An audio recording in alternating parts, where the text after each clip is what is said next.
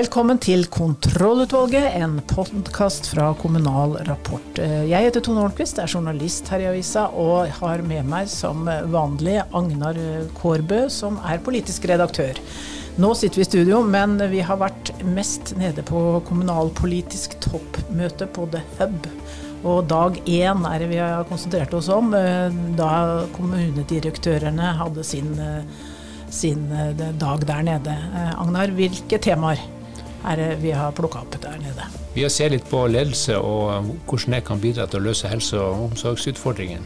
Også et annet viktig tema som diskuteres rundt omkring i de 100 kommunestyrene, det er bærekraftig arealbruk innenfor rammen av det lokale selvstyret, en klassiker. Og I tillegg så har vi en liten sak til eventuelt som du kjenner godt til, nemlig poesi i det kommunale univers. Bærekraftig arealbruk, er det mulig, Agnar? Det spørs. Kommunen og naturen er ikke alltid på samme lag. Dette ble diskutert i et panel. Innleder der var Gro Sandkjær Hansen, forsker ved Oslo OsloMet, også kjent som spaltist i Kommunal Rapport. Hun har jobba mye med klima, bærekraft, plan- og bygningsloven.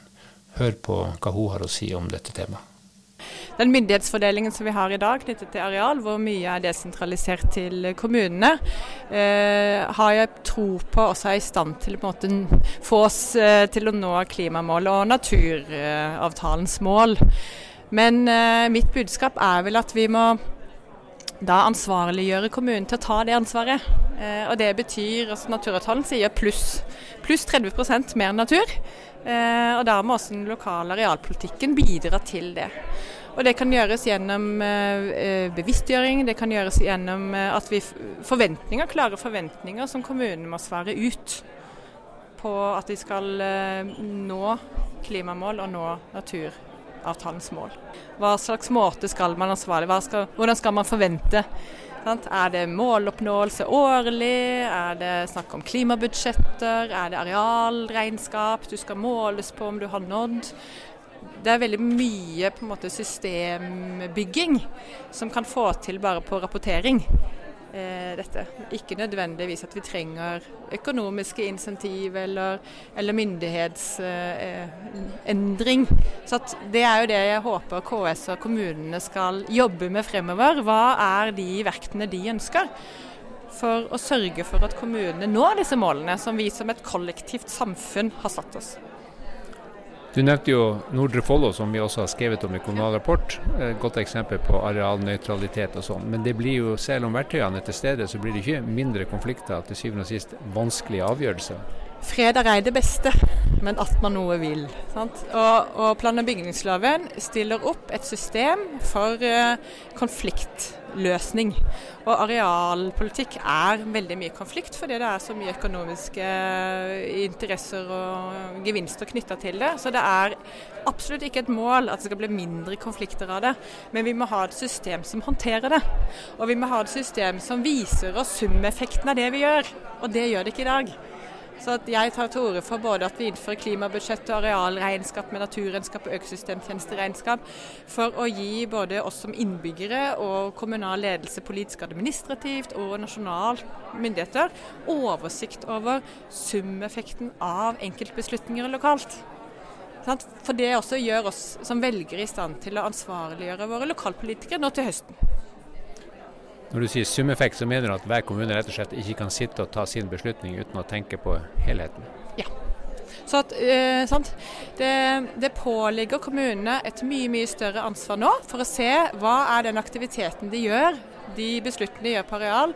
Hva har det å si for, for omstilling knytta til utslippsreduksjon, og for omstilling knytta til hvordan vi ser på og bruker naturen. Eh, fordi at naturen er viktig for oss, også i, i klimasammenheng. Du sa på scenen her at det er syv eh, lokalvalg fram til 2050. Og da i 2050 så skal vi ha innfridd noen voldsomt ambisiøse klimamål. 95 reduksjon.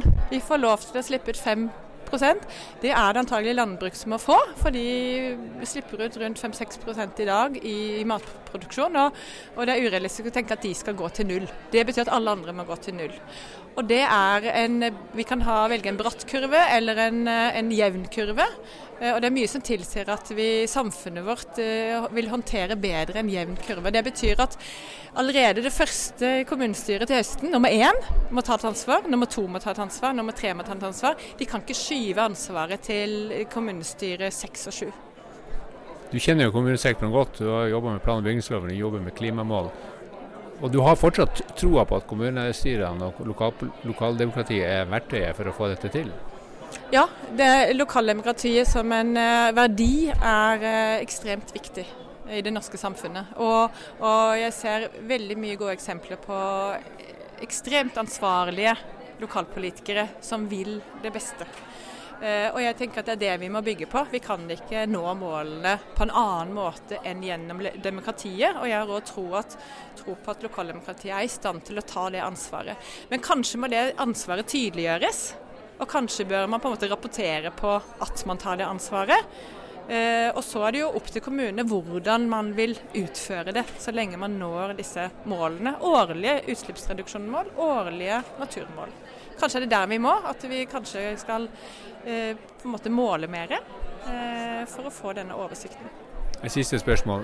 Klarer rikspolitikere og nasjonale myndigheter å verdsette det som kommunesektoren gjør og kan gjøre? Eh, det tror jeg, men kanskje ikke godt nok. Men det vi ser nå er at eh, det er kommunene som er eh, innovatørene. Vi ser at sånn som Nordre Follo, Viken og Agder eh, jobber frem arealregnskap, naturregnskap som eh, departementene ikke er på langt nær i stand til å gjøre ennå. Så den koordineringsjobben jobbes også med nasjonalt. Men vi ser at sånn som Agder har gjort, med å koble databaser mot hverandre og få opp et, et kartbasert eh, informasjonssystem, som også vi som innbyggere, det er en, en samfunnsinnovasjon av en annen verden. Og det tror jeg også nasjonale myndigheter ser nå, at det ligger så mye innovativ kraft i den jobbinga som gjøres i noen kommuner og noen fylkeskommuner på dette feltet, som de faktisk må bygge på.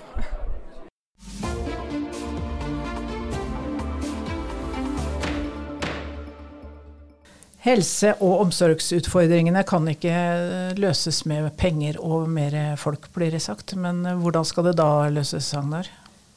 En av måtene å gjøre det på er selvfølgelig bedre ledelse og bedre organisering. Det var i hvert fall det som var et av diskusjonstemaene på dette toppmøtet. Og la oss høre på to sentrale aktører, nemlig Mette Nord i Fagforbundet og Per Kristian Vareide i Stavanger kommune. Hvor viktig er ledelse og organisering for å løse disse utfordringene, som åpenbart ikke kan løses med å pøse på med mer folk? Det er eh, alfa og omega, eh, fordi god ledelse vil bidra til både motivering, til faglig utvikling for de ansatte, eh, og det vil også bidra til egentlig å, å styrke bemanningssituasjonen og det faglige. Men i bunnen av dette så ligger det jo at vi må sørge for at folk har full stilling, at de er på jobb. Og at lederen kan utøve ledelse eh, på de de faktisk har til rådighet, og slippe å forholde seg til mange, mange flere enn det de egentlig eh, behøvde, hvis flere hadde jobba full stilling. Hvordan ser du på dette fra arbeidsgiversida og toppledersida i en kommune? Akkurat i disse spørsmålene så tror jeg jeg ser helt likt på det som uh, Mette Nord, faktisk. Uh, å ha god ledelse handler om å organisere og lede arbeidet. Og vi vet at skal vi løse framtidas utfordringer, så må vi endre måten vi organiserer arbeidet på. Vi må endre oppgavefordeling mellom ulike yrkesgrupper. Det krever ledelse. Og så, ja, hvis vi hadde fått flere heltidsstillinger, så hadde vi fått litt bedre eh, på måte tak på sykefravær. Vi får sannsynligvis folk som står lenger i jobben, og som trives bedre i jobben. Skaper bedre arbeidsmiljø. Så det er en vinn-vinn-situasjon å få flere folk i heltidsstillinger. Så det jobber vi for. I tillegg til det så bygger de jo kompetanse hver eneste dag. For når folk er på jobb, så lærer de noe. De har kollegiale refleksjoner, og de, altså det blir en helt annen dynamikk. Men Per Kristian, du var jo inne på også fra scenen at det er for lite ledelse. Det er for få ledere. Ja, jeg mener jo at innenfor helse og omsorg så er nok situasjonen slik at vi har altfor få ledere. For det er som Mette Nord også sa, hvis du ser på det man kaller kontrollspenn, altså hvor mange personer er det som rapporterer til en som er leder. Og en leder skal jo følge opp folk, også når det gjelder personalmessig. Eh, og det er tidkrevende. Så klart, det regnestykket går jo ikke alltid opp. Nå er det jo slik at en, en virksomhetsleder på sykehjem har jo heldigvis flere folk med seg som kan dele lederansvaret på. Men jeg tror at eh, kommunale helsetjenester i Norge de har eh, i alle år fått lov til å utvikle seg slik at de har for lite ledelse. Og for få, for få ledere. Men Mette, det er ikke så lett å få vridd ressursene over til flere ledere? Eller er det å stille spørsmålet på en litt for enkel måte? Ja, det tror jeg det er. fordi Hvis du hadde da eh, gjort en annen organisering, og kanskje flytta også lederfunksjonen, teamledere, sånn at du hadde flere ledernivåer, eh, og at du hadde, da hadde ledere også færre mellomledere å forholde seg til. Og Da mener ikke jeg at vi skal eh, si, eksplodere antall ledere i kommunesektoren, men gjennom teamledere så hadde du altså fått en bedre struktur, en tettere oppfølging, eh, og på den måten også eh, en si, roligere hverdag for den som sitter som enten avdelingsleder eller virksomhetsleder. Vi kaster opp mange ting i sånn, denne minidebatten, men er det lett for dine medlemmer å bli motivert til å ta ledelse? De skal jo f.eks. Eh, da kanskje, og det vet jeg jo allerede skjer, lede eh, noen profesjoner som har litt mer utdannelse og dermed litt mer status og litt sånn vane for å ville bestemme mer? Ja, jeg tror faktisk at det ville fungere veldig godt. Og da ville også de med eh, høyere kompetanse, altså sykepleiere, få utøve faget sitt på det de faktisk eh, er utdanna til, istedenfor at de må drive med administrative oppgaver som andre kunne gjort gjort. Og Da er vi inne på det som er viktig for en eh, toppleder i en kommune, sørge for god rekruttering og sørge for at vi får riktige folk på riktig plass. Absolutt. Og når det gjelder eh, ledelse, så må vi ha folk som er gode i ledelse, ikke nødvendigvis de som er faglig med spiss.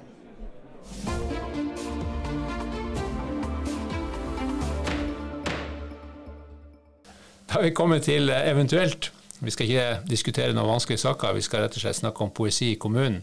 Vet du hvem som er en av favorittdikterne til KS-direktør Lasse Hansen, Tone? Ja, det bør jo være hun som har skrevet bok, diktbok om kommunen, da, Gro Dale. Vi har jo hatt henne her i poden før. Stemmer det. Hun uh, eh, åpna faktisk uh, rådmanns- eller kommunedirektørsesjon av kommunalpolitisk toppmøte med et av sine dikt. Jeg tenkte vi skulle rett og slett avslutte denne sendinga med dette her, og så ønsker vi på gjenhør om uh, kort tid. Denne sendinga ble laget av Tone Håndquist og Agnar Korbe. Ansvarlig redaktør i Kommunal Rapport er som alltid Britt Sofie Hestvik. Kommunen våkner. Kommunen våkner og snur seg rundt i senga. Snur seg over på sida og reiser seg opp. I et lokalsamfunn. Et nettverk av muskler, et byggverk av personnumre, skattebetalere, pensjonister og barn med lunger som puster. Ja, 1100 kommunalt ansatte. Kommunene har det store ansvaret. Møterom med solide stoler, oppgåtte grenser og avtaler. Og kommunen sier at skal, dette her skal vi klare. Dette skal vi klare, dere. Svarer med ordførers håndtrykk. Sier hei til bussen på vei forbi. Hei til søppelbilen. Hei til lærere på vei til jobb. Hei til Eldreomsorgen med hvite sko. Opp trappeoppganger. Inn. Kilometer på kilometer med korridorer. Dette skal vi klare. Dette skal vi klare. Bære et samfunn på ryggen av post, kloakk og veinett, bredbånd og telefoni. Og tusen kommunale soler som gatelykter langs veien.